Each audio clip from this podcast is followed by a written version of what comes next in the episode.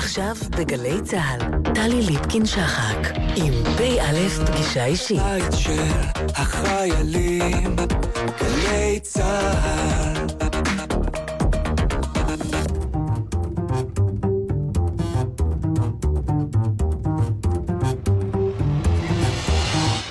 כמה דברים שאתם צריכים לדעת על הדוקטור עליזה בלוך. היא נולדה בשנת 1967 בקריית גת, לשם עלו הוריה ממרוקו. לאחר שסיימה את לימודיה באולפנה, עשתה בלוך שירות לאומי משך כשנתיים, כקומונרית וכמדריכה באולפנה. משנת 1989 עבדה דוקטור בלוך במחלקת כוח האדם בבני עקיבא למשך שבע שנים. במקביל ועד שנת 1999 לימדה בבית הספר גבעת גונן בירושלים ושימשה סגנית המנהל. לאחר שסיימה את עבודתה שם, הקימה בלוך חטיבה עליונה בבית שמש. בשנת 2002 קיבלה לידיה בלוך את ניהול בית הספר התיכון ברנקו וייס בבית שמש, ובו 1,200 תלמידים. בלוך שימשה בתפקיד זה עד לשנת 2013, אז עזבה את התפקיד לטובת התמודדות לראשות עיריית בית שמש, אך לא זכתה בתפקיד.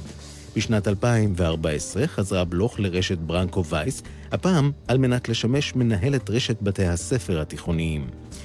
לדוקטור בלוך תואר ראשון במתמטיקה ולימודי ארץ ישראל, לצד תעודת הוראה, אותם קיבלה מאוניברסיטת בר אילן.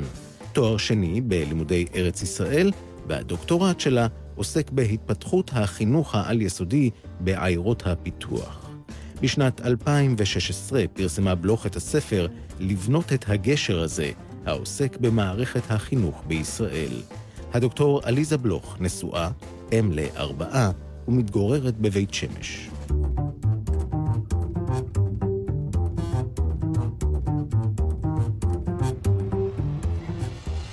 פגישה אישית, דוקטור עליזה בלוך, מנהלת רשת בתי הספר התיכוניים ברנקו וייס, שלום לך. שלום לך, טלי. אנחנו נפגשות אחרי אירוע שעשית באחרונה לרגל אה, כ"ט בנובמבר, 70 אה, למדינה, ובאירוע הזה מגולמת אולי כל השקפת העולם שלך. השקפת העולם שלי בנויה על זה שאני רוצה לראות באנשים אנשים. יש לנו בברנקו וייס ילדים אה, חובשי כיפה, ילדים חובשי כפייה, בנות אה, ערביות ובנות בדואיות ובנים חרדים ובנות מהחינוך הממלכתי ומהמושב ומהקיבוץ. ואנחנו מאוד עסוקים כל הזמן בלהגיד לעצמנו שאי אפשר להיות אנשים טובים אם אתה מכיר רק את מה שאתה גדל אצלו, וגם אם אתה חושב שאתה הדבר הנכון. ובעולם המבוגרים זה מאוד ברור שכל אחד חושב שהוא צודק והוא נכון, ואם רק כולם יחיו כמו שהוא חי, אז כנראה תהיה פה מדינה נפלאה. אבל אנחנו כבר למדנו שמה שהופך אותנו למדינה מעניינת זה שכל האנשים חושבים ככה, וזה בסדר שיש גיוון. והיה לנו עניין להפגיש את התלמידים לפגישות אמיתיות שרואים עין בעין, מדברים על דברים שמעניינים אותם. ואני חייבת להגיד שזה מדהים עד כמה זה פשוט. עד אז... כמה זה כל כך טבעי, ועד כמה העובדה שאנחנו מגדלים ילדים בסוג של גטאות, הם שומעים מוזיקה, וגרים עם אותם אנשים שהם מכירים וחולמים אותם חלומות, ופתאום כשאתה מפגיש ילדים, הם לא נהיים חברים בהכרח, והם לא פתאום משנים את התפיסות הפוליטיות שלהם ולא חוזרים בתשובה ולא מתחילים לצום רמדאן או להצביע הרשימה המשותפת, אבל הם רואים אנשים מולם, והמושגים של ניכור ושנאה מקבלים מימדים אחרים. אז מה עשיתם? מה, מהו היה האירוע הזה? האירוע הזה היה אירוע שיא של תהליך, שבעצם יצרנו מצב שכל בית ספר אצלנו ברשת, יש לו בית ספר שהוא אח תאום ממגזר אחר, חילוני וחרדי, ערבי ויהודי, ולאורך השנה הילדים האלה נפגשו וצוותי העבודה נפגשו על שיחות חינוכיות. והאירוע הזה בעצם היה שיא שכל התלמידים שבאו לשם כבר פגשו פעם אחת לפחות או יותר, והמורים שלהם פגשו. ובעצם רצינו שהם יראו שמעבר למפגש של אחד מול אחד, יש משהו בעוצמה שאתה רואה מאות של ילדים ממגזרים שונים נפגשים, יושבים בדשא לאכול צהריים, שרים ביחד, מדברים, מתווכחים, והשמיים לא נפלו ולא קרה כלום. אנחנו מדברים על אה, אירוע במסגרת בית הספר, אבל הוא חוט בית ספרי כי הוא לא חלק מתוכנית הלימודים. אבל מבחינתך זוהי תוכנית הלימודים. נכון. זו תוכנית הלימודים. בעיניי, מה שחשוב ממה שיצא מהילד כשהוא מסיים את בית ספר, זה עולם החוויות שאנחנו סיפקנו לו, וגם השאלות שאילצנו אותו להתמודד איתן. אני לא פוטרת את עצמי מזה שהילד ידע מתמטיקה ואנגלית והיסטוריה ושיצטיין בהם ושנסליל אותו למוביליות חברתית. עדיין אני רוצה להקדיש יותר זמן בבית ספר, להתעסק עם הילד עצמו, עם הזהות שלו, עם עולם הערכים שלו. שישאל את השאלות שאנחנו רוצים שהוא ישאל אותם, שיצא מאזור הנוחות ויתלבט ויבדוק, יותר מאשר מעניין אותי מה הוא יענה, מעניין אותי שהוא יבין שיש שאלה. עד כמה הסביבה, אה, השיח הציבורי, השיח המתלהם הציבורי, במיוחד בתקופה האחרונה, חודר אל תוך אה, התווך שלכם, או שאת מעדיפה להמיר אותו בשיח אה, פנימי שלכם שהוא אחר? האמת היא שכשאת אומרת במיוחד לאחרונה, אני חושבת על זה שבעצם מאז שאנחנו מכירים את עצמנו בשנים האחרונות, אנחנו חיים את, ה, את השיח הזה. אני רוצה לומר שמצד אחד, אני רוצה לייצר איזו בועה שמדברת שיח אחר, אבל אני גם רוצה להגיד שמה שמטריד אותי בחלק מהמקרים, שהשיח המתלהם לא מטריד חלק מה... תלמידים, זה לא עובר לידם. אני דווקא רוצה שהם יהיו עסוקים בשאלות, שיעטריד אותם, שיעצבן אותם, שיתווכחו, שיבינו שמה שקורה כאן זה מעבר לכאן עכשיו אני, אלא יש פה שאלות יותר גדולות, יש פה סוגיות יותר גדולות. אני רוצה שהשיח יתנהל מתוך מקום של כבוד. השאלה המרכזית שאנחנו שאלנו זה... האמת שלי או האמת שלך, האם בכלל ניתן לייצר איזו אמת משותפת. אני עסוקה בזה מאוד. כי כשאתה חושב שיש אמת אחת, אתה לא יכול להכיל אמיתות אחרות. ויש לי עניין שהילד יבין שהאמת של האדם האחר מולו היא לא פחות טובה, היא לא פחות חשובה, היא לא פחות רלוונטית. ואדם מבוגר מסוגל לחיות עם יותר מאמת אחת, ולהבין שיש מורכבות, ולהתנהל בתוך הדבר הזה. כמה תלמידים יש ברשת אה, ברנקו וייס? בברנקו וייס יש היום ברשת 27 בתי ספר, אנחנו מדברים על כמה אלפים. מעבר לזה, ברנקו וייס גם מלווה בתי ספר שהם לא שלה, יש בתי ספר שהם לא בבעלות שלנו, כמו בחורה, כמו ביישובים אחרים, ואנחנו מלווים אותם. אנחנו מדברים על למעלה מ-20 אלף תלמידים. אז אני שואלת את זה כדי לתהות איך אה, הפעולה שאת עושה, ועוד נרחיב בה, יכולה בתנועה של אה, גלים אה, ומעגלים לגעת ולשנות אה, קהלים נרחבים יותר? זאת שאלה מעניינת, כי אנחנו בעצם חיים בתוך בועה. אני טוענת שכל אחד בחלקת אלוהים שלו צריך לעשות את הכי טוב, ולא להגיד זה ממילא קטן.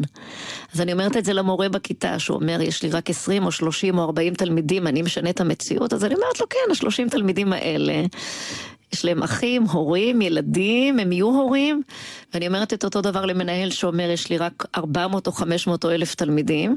אני חושבת שאם כל אחד בחלקה שלו משפיע, הילד חוזר הביתה, הוא מספר בבית, יש אחים, יש הורים, יש דינמיקות, הוא כותב בפייסבוק, הוא אה, משמיע. בסוף אני מאמינה שהגלים האלה עושים עבודה. המחשבה שרק שם, איפשהו למעלה, אפשר להשפיע, יש בה משהו קצת נאיבי, אולי נכון, אבל זה לא פותר אותנו מלהתאמץ במקומות שבהם אנחנו נמצאים. בבחינה של אה, על פני ציר הזמן, את עוקבת ורואה... בילדים ששיגרת אל החיים ולעולם הרחב מחוץ לבועה שינוי? מאוד. זה מה שמחזיק אותי.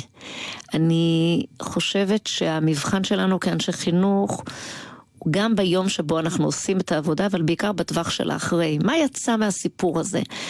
אני אומרת לעצמי כל הזמן שבשיעור מתמטיקה שאת מלמדת, את צריכה לייצר מצב שהילד גם לומד מתמטיקה, אבל גם איזה מין בן אדם הוא יהיה, ואיזה מין הורה הוא יהיה, ואיזה מין אזרח הוא יהיה. אז כן, מרגש אותי מאוד לראות תלמידים ששברו את תקרת הזכוכית, ושאולי תמונת העתיד שלהם הייתה אחרת אם לא הייתה קורית עבודה חינוכית מאוד עמוקה בתוך בית הספר. התגייסו לצה"ל והלכו לאוניברסיטה והקימו משפחות ועובדים בתפקידים אזרחיים מעניינים, ומעניין אותם מה שקורה. אה, זה מאוד מעניין לראות, וגם אני למדתי שאתה אף פעם לא יודע באמת מה הרגע שעושה את השינוי. אנחנו עושים המון דברים, המון אירועים, המון שיחות, המון מפגשים, המון רגעים. אבל בעצם העשייה החינוכית היא, מוקפת מהרבה מאוד רגעים, ואני למדתי שאתה אף פעם לא יודע מה הנקודה שבה קורה הדבר האמיתי. שילד עושה את השינוי, ילד מתחיל להגיד, רגע, קרה פה איזה סוויץ'. אז אני מתייחס לעבודה שלנו כסוג של חיוג, כל הזמן מחייגים, מחייגים, בסוף האסימון נופל, של פעם. את אומרת אה, עבודה חינוכית, כשאנחנו יודעים שבית הספר, בבסיס שלו נועד אה, להקנות ידע. שזה השכלה ולאו דווקא חינוך. השילוב של השניים הוא מבחינתך הנוסחה המנצחת. אני גם לא יודעת איך עושים השכלה בלי חינוך. אני לא יודעת מה זה, אני לא חושבת שיש שלב שבו מלמדים בבית ספר ושלב שבו מחנכים. כי הדרך שבה אני מלמדת מתמטיקה, הדרך שבה אני מתייחסת לילד, בדקה שנכנסתי לשיעור, שעניתי או לא עניתי, כל ההתייחסות, זה החינוך. אין שלב שבו עכשיו, פעם הייתה מחשבה שאם אה, נלמד מאה מושגים, אז של ערכים או נעשה משהו כזה, שם נחנך. לא. כל דקה בבית ספר היא מחנכת. הדרך שבה בית ספר מתייחס לעובדי הניקיון שלו, הדרך שבה ילד מתייחס לתלמידים האחרים, למגוון, שם מתרחש החינוך, לא כשאומרים עכשיו מחנכים. ובכל זאת, שאלת ההשכלה, הידע, לא מנותקת מזה. לא, ממש לא. ידע זה כוח. אנחנו רוצים אנשים עשירים שיודעים המון. יש גם איזו תחושה נאיבית שבגלל שהיום הידע כל כך נגיש, כי יש דוקטור גוגל בכל בית, אז אנחנו פטורים מהשכלה ורכישת ידע. אז אה, קודם כל זה לא. זה שהידע נגיש הוא עוד לא הופך אותו לידע שלי. הדרך שבה אני רוכש את הידע, הדרך שבה אני הופך אותו לזמין ואצלי, ויותר מזה, הדרך שבה אני מעוררת את הסקרנות שיהיה לילד עניין שיהיה לו ידע, זה חלק מהחינוך בעיניי. והסלקטיביות המסוימת בבחירת הידע או בחשיפה לידע, כי דיברת על מאה מושגים נושא שהיה על סדר היום פעם. לפני שנים אחדות. מה נכנס למאה המושגים האלה, היום מה נכנס לספר האזרחות, מה נכנס לסקירת 70 שנות מדינה, מאוד אה, אה, נושא שבכותרות באלה הימים. מי קובע מה ייכנס לשם, מי קובע מה חשוב, מי קובע בסוף איך תעוצב רמת הידיעה והרמה הערכית של הילד שיוצא מבית הספר. האמת היא שאני מרגישה שמושקעת אנרגיה גדולה מאוד בפסקה זו או אחרת שבספר. מאוד או מדי? מדי. מדי.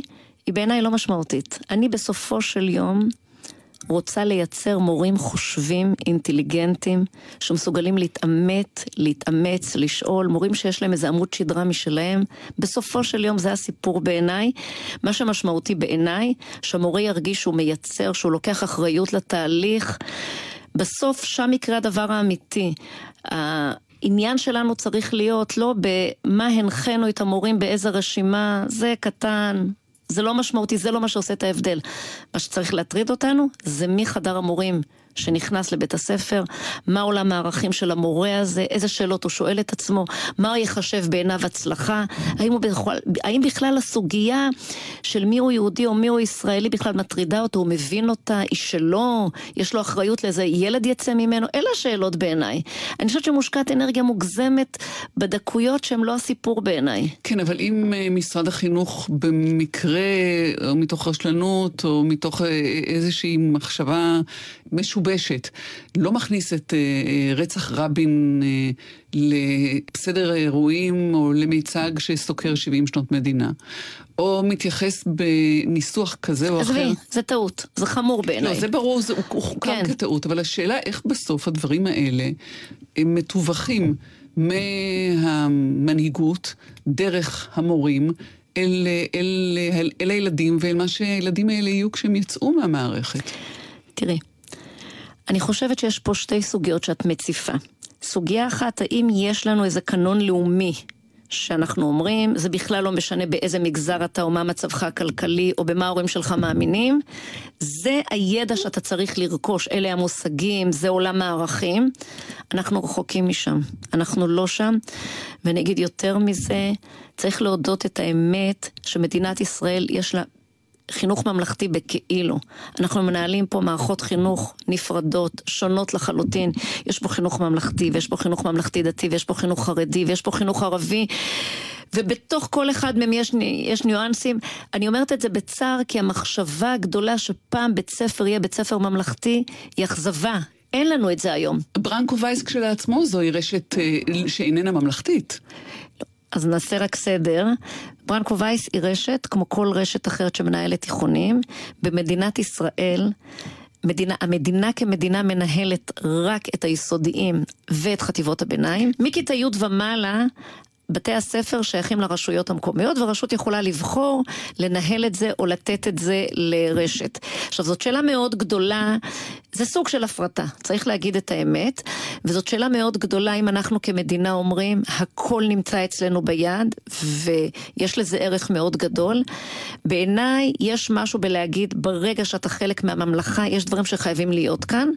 בתוך הדבר הזה, אני רוצה לייצר אוטונומיה הרבה יותר גדולה של אנשי החינוך, כי אני רוצה אנשי חינוך שהם לא פקידים שמקבלים הוראות, אלא אנשי חינוך חושבים, יוצרים, עושים, עם המחירים של זה. אני חושבת שנרוויח חינוך יותר טוב. אם אמרנו מחירים, נגיד משהו על שכר המורים. את רוצה את מיטב המורים, ציינת קודם מה את מצפה ממחנך וממורה שמקנה גם אה, השכלה וגם, אה, וגם ערכים.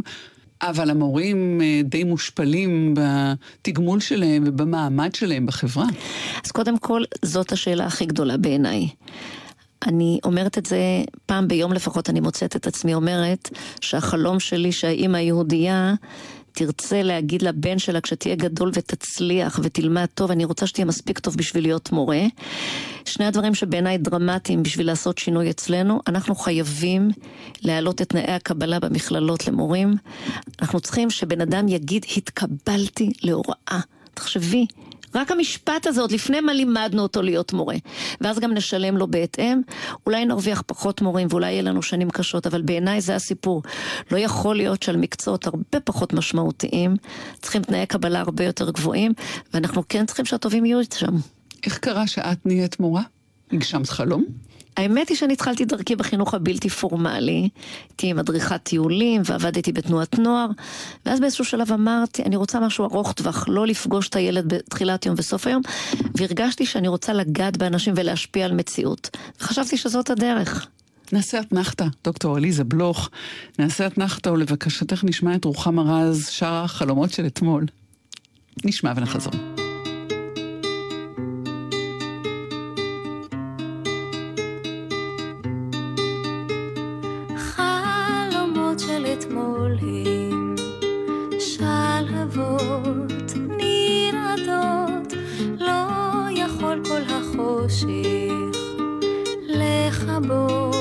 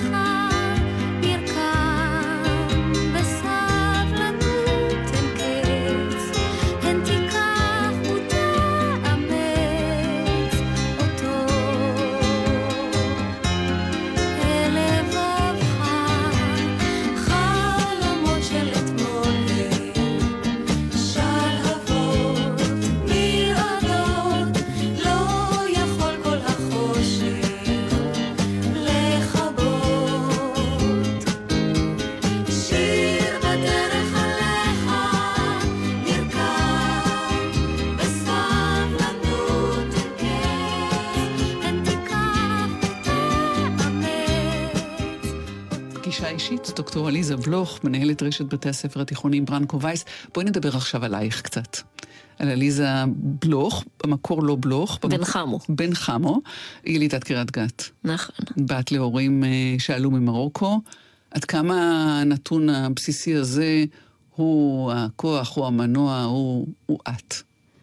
אני גדלתי בבית מאוד חם ואוהב, עם אימא מאוד מחבקת ועם סבתא מאוד מחזקת, ואני חושבת שזה חלק מהסיפור של אה, מקום שגם אוהב אותך וגם מאפשר לך, מצד אחד. מצד שני, אני גדלתי בקריית גת, ובשלב של התיכון יצאתי ללמוד מחוץ לעיר, כמו שקרה לרבים וטובים, שהלכתי ללמוד באולפנה. אה, מה שהיום ככה במחשבה לאחור נראה לי מורכב בשלב הזה שאתה מעצב את הזהות שלך בין מה שגדלת ואתה מכיר בבית למה שאתה מכיר בעולם אחר. זאת המורכבות או הניתוק מהבית, הפרידה והגעגוע? אה, גם, גם. אה, אבל עם הפרידה חזרתי מספיק פעמים כי הדרכתי, אז לא התנתקתי לגמרי. אבל יש משהו בעיצוב של עצמך שאתה אומר, גם ממה אני מורכב? מהשירים, מהמוזיקה, מהתפיסות עולם של הבית, ממה שלמדתי באולפנה, איך אני מייצר את השלם שהוא לוקח את הטוב מכל דבר ומייצר משהו שהוא לא שיפוטי כלפי אף אחד מהעולמות, ומצד שני מאפשר לעצמך מספיק פתיחות גדולה להגיד יש בי מזה ויש בי מזה. מתי התחלת להבין את המורכבות הזאת שאת אה, מטיבה למלל בגילך? בגיל 14. כבר אז? בגיל 14 ידעתי להסתכל וזה ליווה אותי אחר כך לאורך כל החיים, לדעת לראות שזה דומה ושונה כל הזמן, ולדעת להמשיג לעצמי, ואני חושבת שזה חלק ממה שליווה אותי אחר כך בכל התהליכים שעשיתי בחיים, להסתק... לנסות לראות מורכבויות יותר גדולות מכאן ועכשיו. שני דברים עולים מתוך המשפטים הקצרים האלה שאמרת. אחד, אמרת אימא ואמרת סבתא. והאם אה, זה המנוע או המשגר של ההיבט הפמיניסטי של השקפת אה, העולם שלך ודרך החיים שלך. והדבר השני הוא העניין אה, של אולפנה ובחירה בדרך חיים, או הישארות בדרך חיים מסורתית, דתית, דתית, אמונית. כן. אז תראי, קודם כל, זה נורא מעניין הסיפור הפמיניסטי, כי המילה פמיניזם לא הכרתי אותה. אה, סבתא שלי הייתה עקרת בית, היא לא יצאה החוצה, אבל אני, היום כשאני מסתכלת על זה, זה הפמיניזם במיטבו. היא הייתה דעתנית, חכמה, עם עמדות מאוד ברורות על כל דבר, היא ניהלה את העולם, כולם ידעו מה היא חושבת, מה שהיא רצתה זה מה שקרה. אה, למרות שהיא לא למדה באוניברסיטה מעולם. אז בהפוך על הפוך, בלי להגיד את המילה פמיניזם, היא יצרה אה, תפיסת עולם, ואני חושבת שזה עובר כחוט השני בקרב כל האחיות שלי, של בנות שיודעות מה הן רוצות, והן אה, מאוד אה, ברורות בתפיסת עולם שלהן, למרות שהן באו מתרבות מאוד אה, מסורתית, שעל פניו נראית מאוד אחרת. תפיסת עולם הדתית שלי היא מעניינת, כי זה נורא מעניין, כי בעצם מאז האולפנה אני אף פעם לא הייתי במסגרות דתיות. לא רציתי אף פעם להיות uh, חלק מאיזה קבוצה מאוד מזוהה מגדרית. את uh, היית בבני עקיבא? כן, אמרתי, מאז תקופ... שסיימתי את האולפנה... אבל אחרי האולפנה את עבדת בבני עקיבא. ב... התכוונתי בעולם של החיים המקצועיים שלי, תמיד רציתי להיות חלק ממשהו יותר רחב. וכל הזמן להיות בשלב שאתה בוחר מחדש, לא כי נולדתי לתוך הדבר הזה ואני חי אותו, אלא כל הזמן לשאול את עצמי מחדש, רגע, מי אני ומה אני לוקחת מעוד עולמות, וכל הזמן לוודא שהמורכבות היא מורכבות... אה, מתוך בחירה ולא מתוך אילוץ. אבל גם להביא לעולמות אה, שבאת אליהם את התפיסה האמונית שלך, אה, לא ברמה של כפייה כמובן, אבל מתוך, זוהי התרומה שלי, זוהי נקודת המבט שלי. אני לא שם ממש. אני חושבת שאדם בא כמוצר שלם. עם איך שהוא מתלבש, עם מה שהוא חושב, עם מה שהוא אוהב לאכול, עם מה שהוא חושב על העולם, על המדינה, על מזג האוויר, והוא סיפור שלם. אני חייבת להגיד שכשהתחלתי את דרכי ב... בהוראה, הלכתי לעבוד בתיכון אה, גבעת גונן בירושלים, שהוא בית ספר ברוח ערכי תנועת העבודה.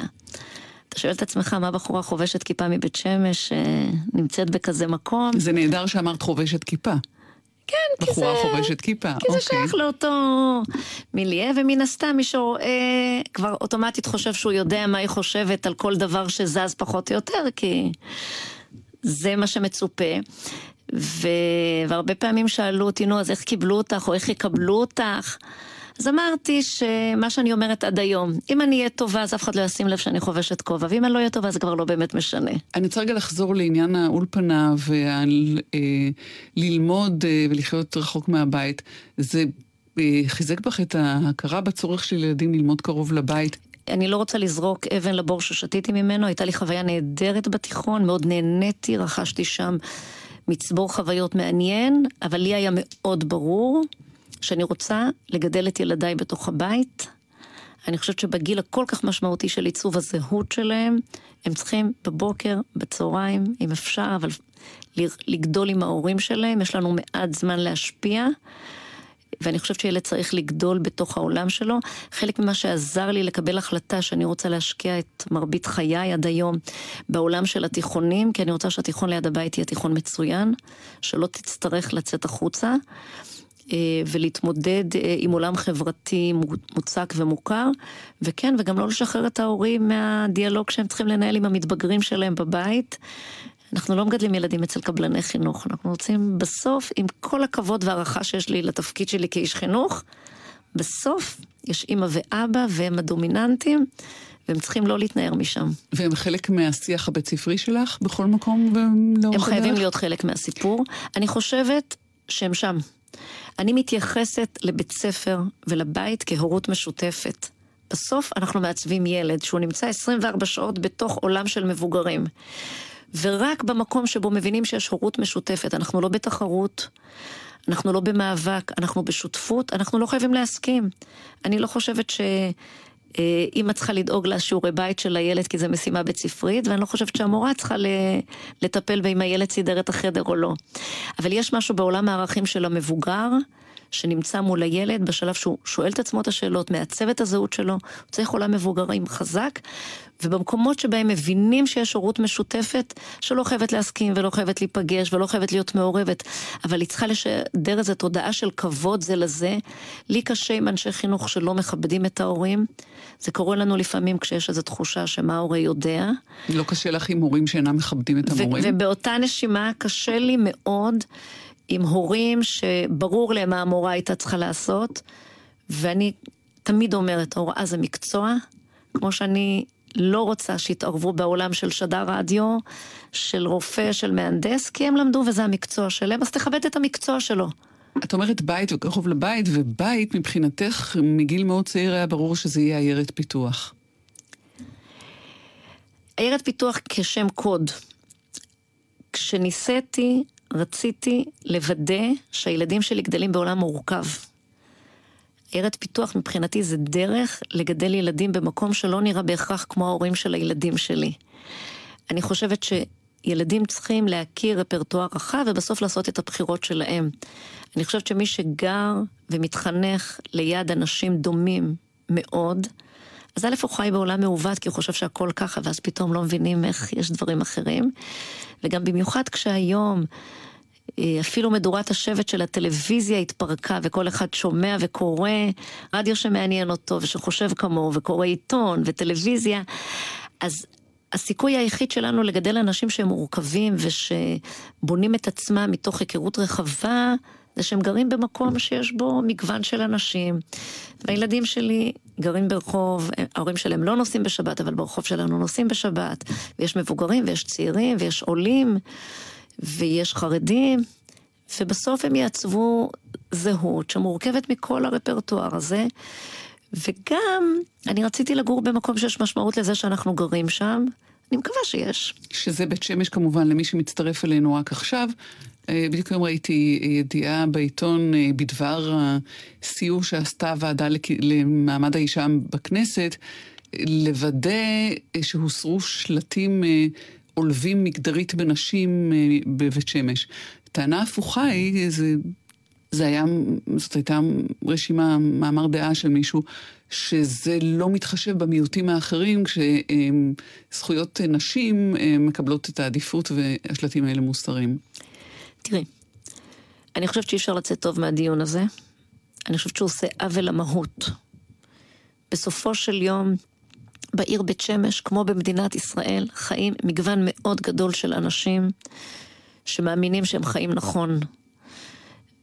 ואני חושבת שמה שקורה בבית שמש הוא מיקרוקוסמוס שצריך להסתכל עליו ולהבין שגם המדינה הולכת לשם.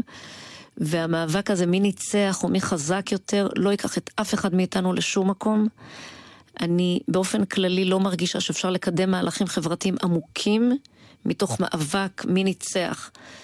כי כשמישהו מנצח יש גם מישהו שמפסיד, וזה לא משנה אם זה בעניין, בעניין מגדרי, דתי או כלכלי. אני לא רוצה להיות במקום של מנצח.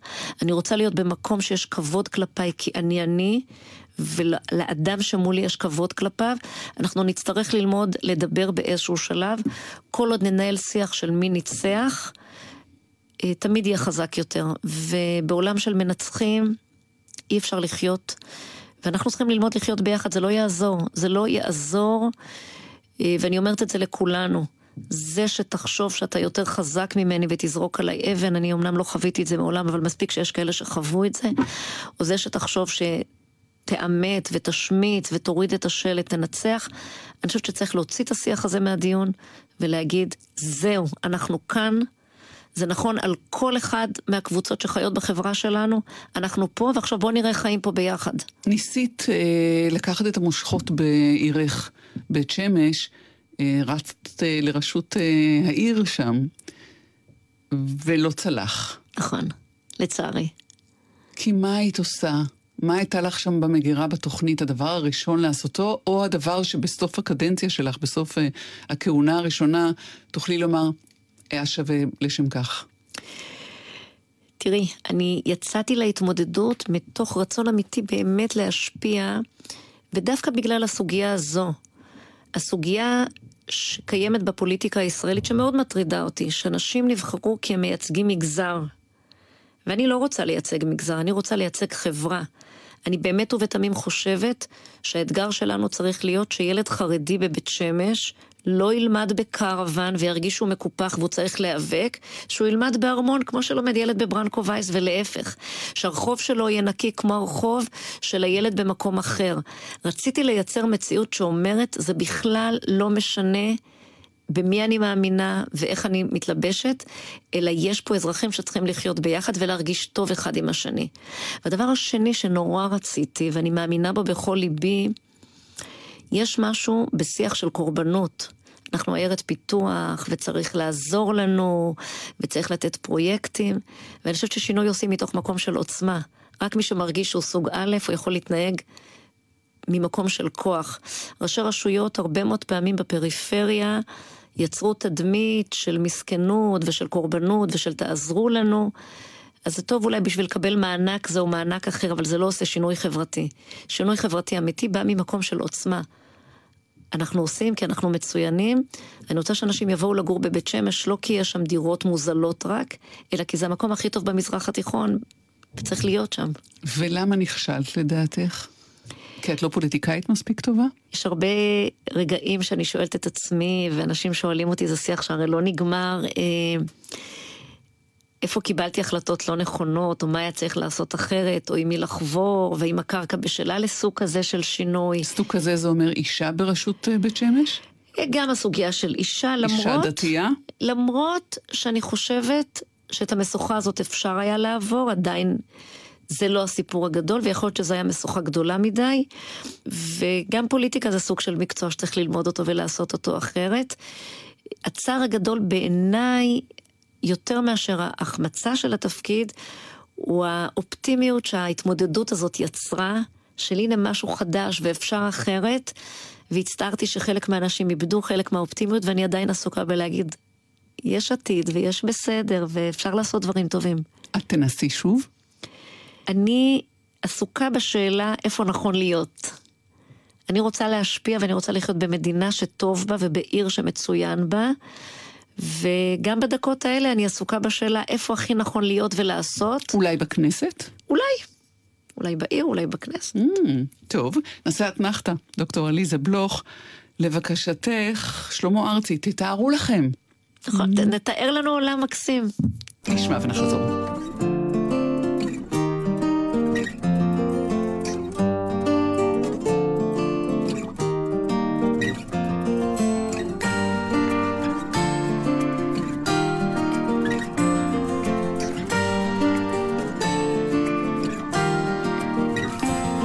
תתארו לכם עולם יפה, פחות עצוב ממשהו ככה, ואנחנו שם הולכים עם שמש בכיסים, ומעל גגות הכוכבים, והזמן עובר בלי פחד, ואני הולך לפגוש אותה בגן העדן.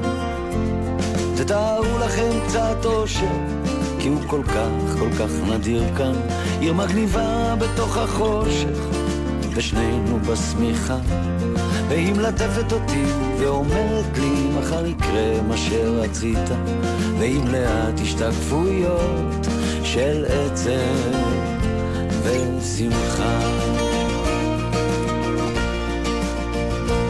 תתארו לכם באמצע יום יפה שמיים עליכם, הערבה איתכם, כן ככה זה קרה לפתע היא אמרה אני עוד זוכר אותה כמו בסערה, תתארו לכם אותי נופל לתוך זאת ערה.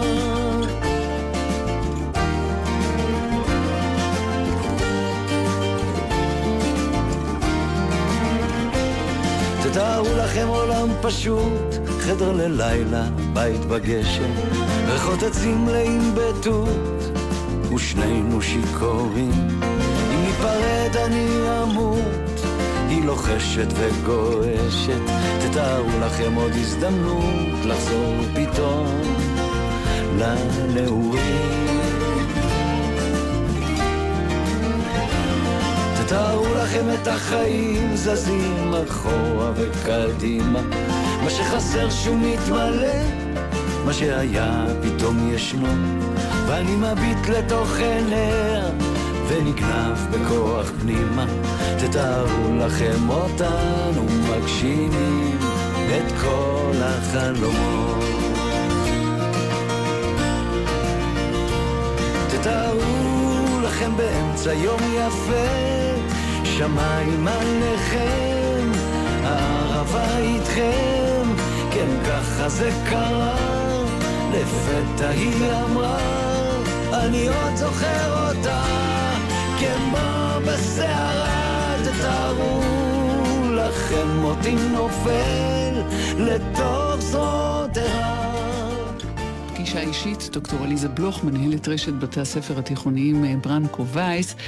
כתבת ספר, בשנה שעברה פרסמת אותו, קיפלת אה, אל בין דפיו את אה, פרויקט חייך, למרות שהוא בעיצומו ו- ולא נגמר.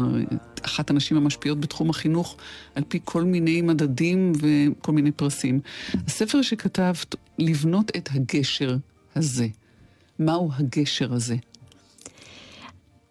לבנות את הגשר הזה, מבחינתי, הוא תפיסת עולם.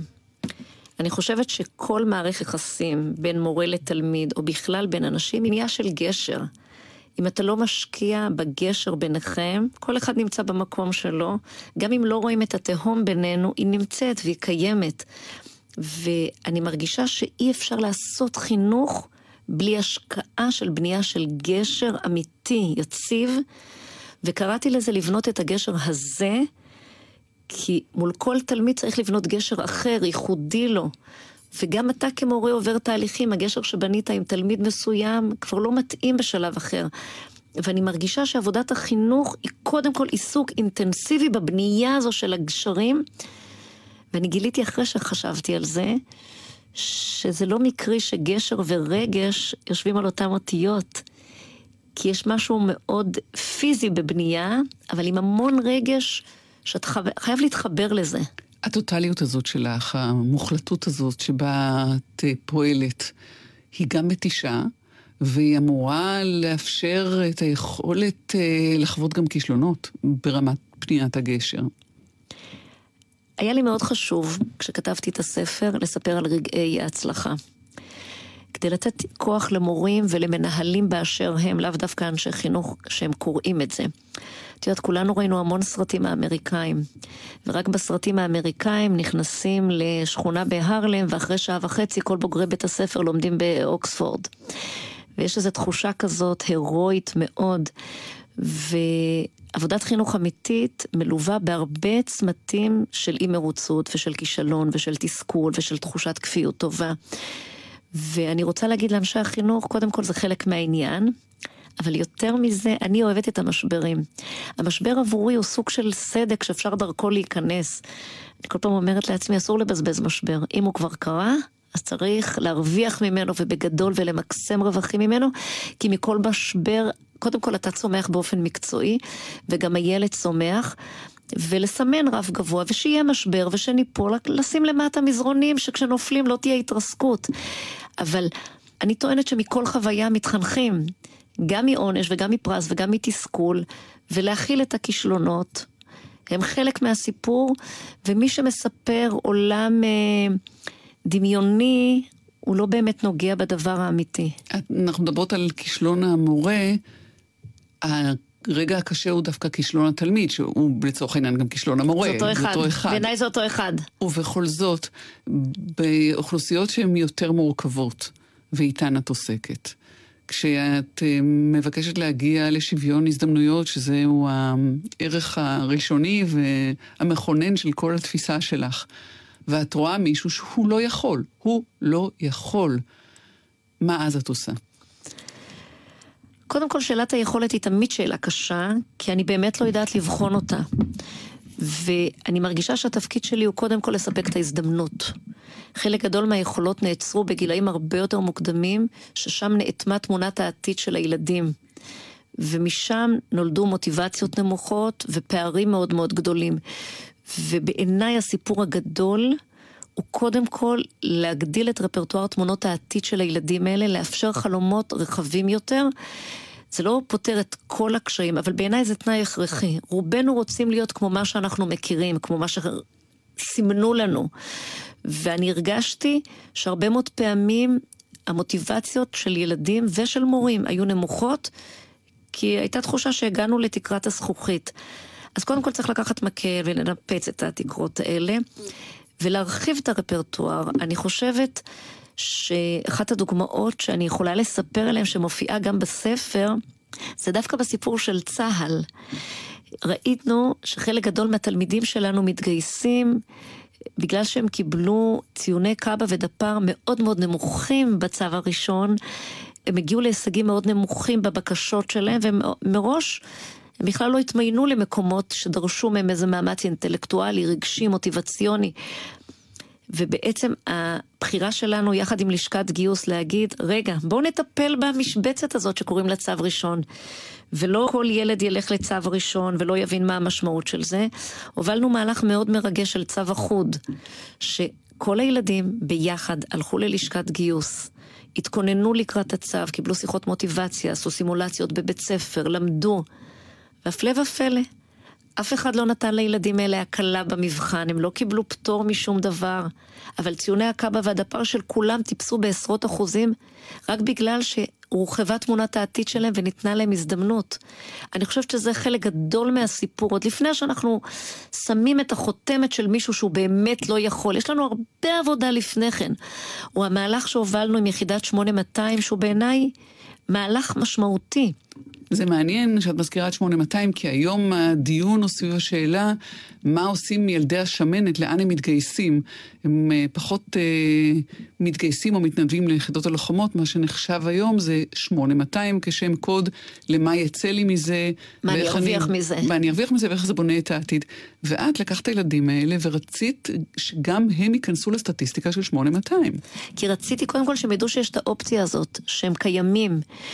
צריך לקחת בחשבון שעד לפני התוכנית הזאת כמעט לא היו ביחידת 8200 וביחידות עילית אחרות אה, חיילים שהם אה, מחוץ לטווח של גדרה חדרה. וגם שמות המשפחה היו מאוד מסוימים שם, אנחנו ככה סיפרנו את זה בחיוך. וכשאנחנו פרסנו בפני התלמידים את האפשרות להתגייס ליחידה הזאת, מה שהיה מדהים זה לא שהם ניסו להתקבל ולא התקבלו, הם אפילו לא ביקשו את זה והיחידה לא פנתה אליהם, אף אחד לא ראה בהם אוכלוסיית יד לסיפור הזה. וכשהמסלול הזה הוקם, באמת מתוך פתיחות מאוד גדולה של הצבא, והוקם באמת מתוך איזה רצון להגיד, בואו, תנסו, תובילו את עצמכם למקומות שתפגשו גם אנשים אחרים. אני חושבת שהעובדה שפתאום ביחידת 8200 יש עשרות של חבר'ה שגדלו בבית שמש, שנכנסו לשם בזכות ולא בחסד, הצליחו שם מאוד. בא מהמקום שאומר, קודם כל, כולם יכולים, ושתיים, אני חושבת שהיחידה היום היא יחידה יותר טובה. באמת אני חושבת, כי גם הילדים מרעננה והרצליה פוגשים עוד אנשים ומרוויחים אנשים אחרים שהם מכירים. עשית עוד משהו בניהול של ברנקו וייס בית שמש, וזה החלוקה להתמחויות. לתת לילדים את החוזקות שלהם ושם להושיב אותם. בעצם, ילד בא לבית ספר לא מתוך בחירה. ובתי הספר מהמאה ה-18 הם בתי ספר שבודקים את הילדים על פי תחום אינטליגנציה אחד מאוד מסוים, שזה קריאה וכתיבה. אם אני מצליח בזה ואני טוב בזה, אז יכול להיות שיהיה לי טוב, ואם זאת לא החוזקה שלי, אני מראש אבוד בבית ספר. וכדי לייצר חוויית הצלחה, חשבנו שילדים צריכים לחוות חוזקות. אז כשהילד נקלט אלינו לבית הספר, אנחנו לא אמרנו לו, אתה תשב בהקבצה ב' או ג' באנגלית או במתמטיקה, כי זה בית ספר וזה מה שבודקים. אתה תשב בכיתה שנותנת מקום לחוזקות שלך, ומהחוזקה הזאת תצליח. ולכן אתה יכול לשבת בכיתה של ספורט, בכיתה של אומנות, בכיתה של תיאטרון, בכיתה של טבע. תתחזק בדבר שבו אתה טוב. כי צריך לקחת בחשבון, אנחנו בסוף רוצים להוציא אנשים לעולם עם מיומנויות חברתיות רחבות, ואנחנו צריכים לתת להם לחוות הצלחה במקומות האלה, במקומות של התקשורת הבין-אישית, של חוויות ההצלחה, של הביטחון העצמי שלהם. יתר הדברים יבואו אחר כך. אסור לשעבד את כל התיכון למיומנות אחת מסוימת, למרות שהרבה פעמים רק על זה נמדדים, אבל התפקיד שלנו כאנשי חינוך זה להרחיב גם את הרפרטואר הזה. אני חוזרת איתך אה, רגע, ליזה, אל הימים שבהם את בבני עקיבא עובדת עם עולים, גם חבר המדינות, גם מאתיופיה אחרי מבצע שלמה. מה הבאת איתך אל העבודה הזאת מההתנסות האישית שלך? אחרי שלמדתי מה קורה לקליטת עלייה, אחרי מה שקרה לקליטה של העלייה מצפון אפריקה בשנות החמישים והשישים, שבאו עולים חדשים והיה מאוד ברור שיש ישראליות אחת מאוד מסוימת, ואם אתה רוצה להיות ישראלי אתה חייב להיראות כך, לחבוש כך, להתלבש ככה, להאמין בדברים מסוימים ולפרוק את כל מה שגדלת עליו, אחרת לא תהיה ישראלי. אני חשבתי שיש פה החמצה. וחלק מהמוטיבציה שלי באתרי הקרוונים הייתה קודם כל להגיד, יש הרבה מקום, אנחנו נהיה מדינה יותר עשירה, יהיה פה יותר תרבויות, יהיה פה מגוון מאוד מאוד גדול. וגם רציתי לצאת מהמקום של העולים החדשים המסכנים שבאים להציל אותם. התמונה הזאת שהייתה בשנות החמישים של אה, מורות חיילות וצעירות וחמודות שחשבו שדרך אגב הן עושות עבודה מדהימה. בתוכנית ש... הוביל אז משרד החינוך שקראו לה ביעור הבערות. מה בעצם אמרו? אנחנו, ברור לנו שאנשים שעלו מצפון אפריקה הם נבערות וצריך לבער את הבערות הזו. והמוטיבציה שלנו הייתה להגיד משהו אחר, יש פה הרבה כוח. לא יבוא איזה מישהו, איזה בחורה צעירה שעכשיו תלמד אתכם, אלא נבנה מנהיגות פה, מתוך העולים. האתגר שלי היה להקים סניף של תנועת נוער בתוך אתר הקרוונים, ולקחת ילד בן 15, בן 16, שעלה לפני כמה חודשים והיה רועה צאן, ולהגיד לו בוא תהיה מנהיג, זה הכי טבעי. את הכלים האלה, את ההתנסות הזאת, לקחת איתך אל המשך הדרך ועד עצם היום הזה? זה התפיסת עולם שלי, לתת לאנשים כוח להיות חזקים ולהשפיע על המציאות שלהם ולבחור. זה הסיפור הגדול בעיניי. אחד הדברים שאת עשית ועדיין עושה הוא השולחנות העגולים של ניסיון אה, אה, דיבור, גישור, חיבור בין אה, אוכלוסייה חילונית לאוכלוסייה חרדית. זה עובד? קודם כל אין לנו ברירה לשאול אם זה עובד או לא, וצריך לעשות את זה. דיברנו על זה קודם בהקשר אחר. השולחן העגול שאנחנו הקמנו בבית שמש קודם כל, רצה להגיד, צריך לשבת ולדבר. נריב, זה נחמד, זה טוב, זה מביא תקשורת, זה מביא רייטינג, זה לא פותר את הבעיה. אם לא יושבים לדבר, לא יקרה כלום. אני מצאתי את עצמי לא פעם אחת בתוך השולחן העגול, משכנעת את הציבור הממלכתי שאת הבניין הזה צריך לפנות לטובת בית ספר חרדי כי הם צריכים אותו כרגע. אני חושבת שכשמדברים, פותרים הרבה בעיות. זה נשמע מאוד נאיבי בעולם כוחני ושמור לי ואשמור לך. אני פשוט טוענת שאין מנוס. בסוף הרי, אחרי המאבק ואחרי הקרב יושבים לשולחן הדיונים. זה נכון במישור הפוליטי, זה נכון במישור הדתי, החברתי, לשם צריך ללכת. ואני חושבת שכשיושבים, אז גם קודם כל נאלצים לדבר ולשמוע. וגם פתאום רואים שיש אנשים, פתאום יש שיקולים אחרים שלא לקחת אותם בחשבון, וגם מפסיקים להסתכל על האנשים כקופסאות. אני לא רוצה שיראו אותי חלק מקופסה מסוימת, ואני גם לא רוצה להסתכל על אף חרדי כאחד מתוך קופסה. גם לחרדי הזה יש צרכים ורגשות ושנאות ואהבות וקשיים כלכליים. וגם הוא רוצה כל מיני דברים בעולם. אם לא נדבר פשוט לא יקרה כלום, זה לא משנה לאן נדחה את הדיבור. היית uh, במקום uh, שירות צבאי בשירות uh, לאומי קומונרית. זו חוויה מדהימה. תני לי תמונה אחת משם. להיות קומונרית, כשאני חושבת על זה היום, לוקחים ילדה בת 18 ואומרים לה, תנהלי את העולם. עכשיו, מרוב שאת צעירה, את אפילו לא מבינה שזה... מי נתן לך דבר כזה ביד? היום כשאני חושבת על זה, יש לך את היכולת להשפיע. את לא תלויה בשום דבר, לא כלכלי, את לא צריכה לפרנס, את לא מגדלת ילדים, אין שאיפות אקדמאיות, ואת יכולה להתמסר לרעיון. אני חייבת להגיד שהחברים הכי קרובים שלי עד היום, שהשפיעו עליי, זה אנשים שעבדתי איתם היום. זה אברהם ליפסיט שהיום נמצא במשרד החינוך, או חברים שלי שהיו חניכים שלי.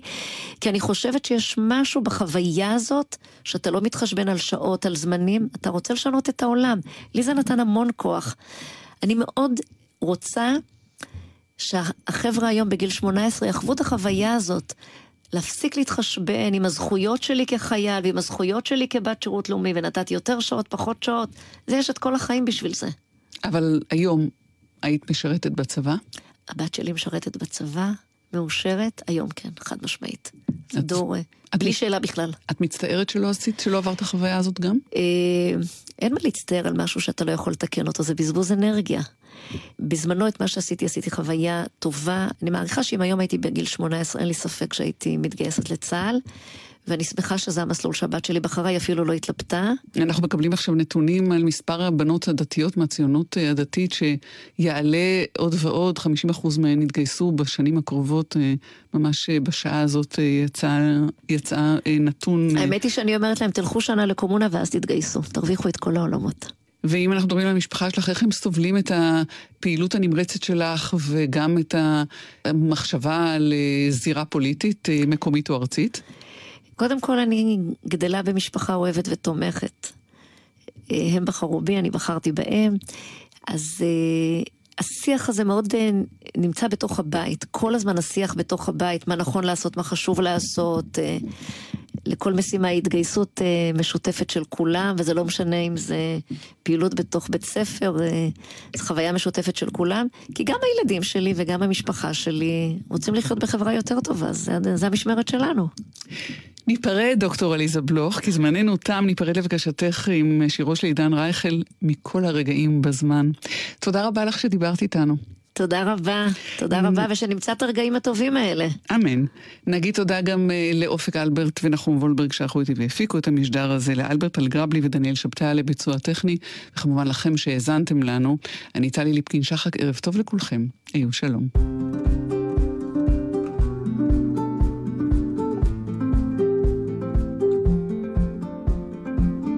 לא לפחד להתאהב, שישבר הלב, לא לפחד בדרך לאבד. לקום כל בוקר ולצאת אל החיים ולנסות הכל לפני שיגמר. לחפש מאיפה באנו ולחזור בסוף תמיד להתחלה. למצוא בכל דבר עוד יופי ולרקוד עד שנופלים מעייפות או אהבה. מכל הרגעים בזמן למצוא אחד לאחוז בו, להגיד שהגענו. תמיד לזכור לרגע לעצור ולהודות על מה שיש ומאיפה שבאנו. לחבק אותה בלילה כשהיא נרדמת אז כל העולם נרגע. לנשום אותה עמוק, לדעת שתמיד אני אהיה שם בשבילה. לא לפחד להתאהב, שישבר הלב, לא לפחד בדרך לאבד. לקום כל בוקר ולצאת על החיים ולנסות הכל לפני שיגמר. לחפש מאיפה באנו, ולחזור בסוף תמיד להתחלה. למצוא בכל דבר עוד יופי ולרקוד עד שנופלים מעייפות או אהבה. מכל הרגעים בזמן למצוא אחד לאחוז בו, להגיד שהגענו. תמיד לזכור לרגע לעצור ולהודות על מה שיש ומאיפה שבאנו. לחבק אותה בלילה, כשהיא נרדמת אז כל העולם נרגע. לנשום אותה עמוק לדעת שתמיד אני אהיה שם בשבילה.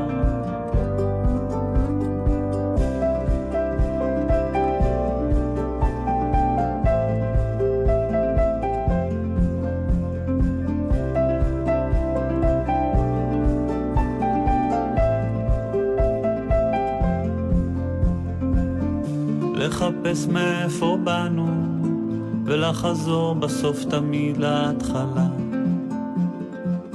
למצוא בכל דבר עוד יופי ולרקוד עד שנופלים מעייפות או אהבה. מכל הרגעים בזמן למצוא אחד לאחוז בו, להגיד שהגענו. תמיד לזכור לרגע לעצור. אתם עם גלי צה"ל. עקבו אחרינו גם בטוויטר.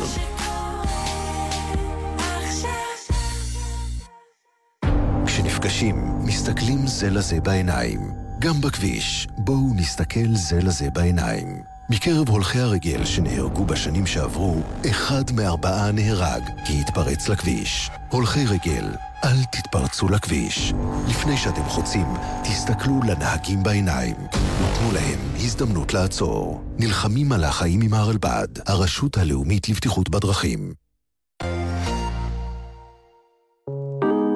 מי שטורחת בערב שבת, מסכמת את השבוע במוצאי השבת. מוריה קור ושרה בלאו עם הזווית שלהן על השבוע שהיה. הולכות בחצות, מוצאי שבת ב-11, גל"צ. מיד אחרי החדשות, תוכנית מציאות.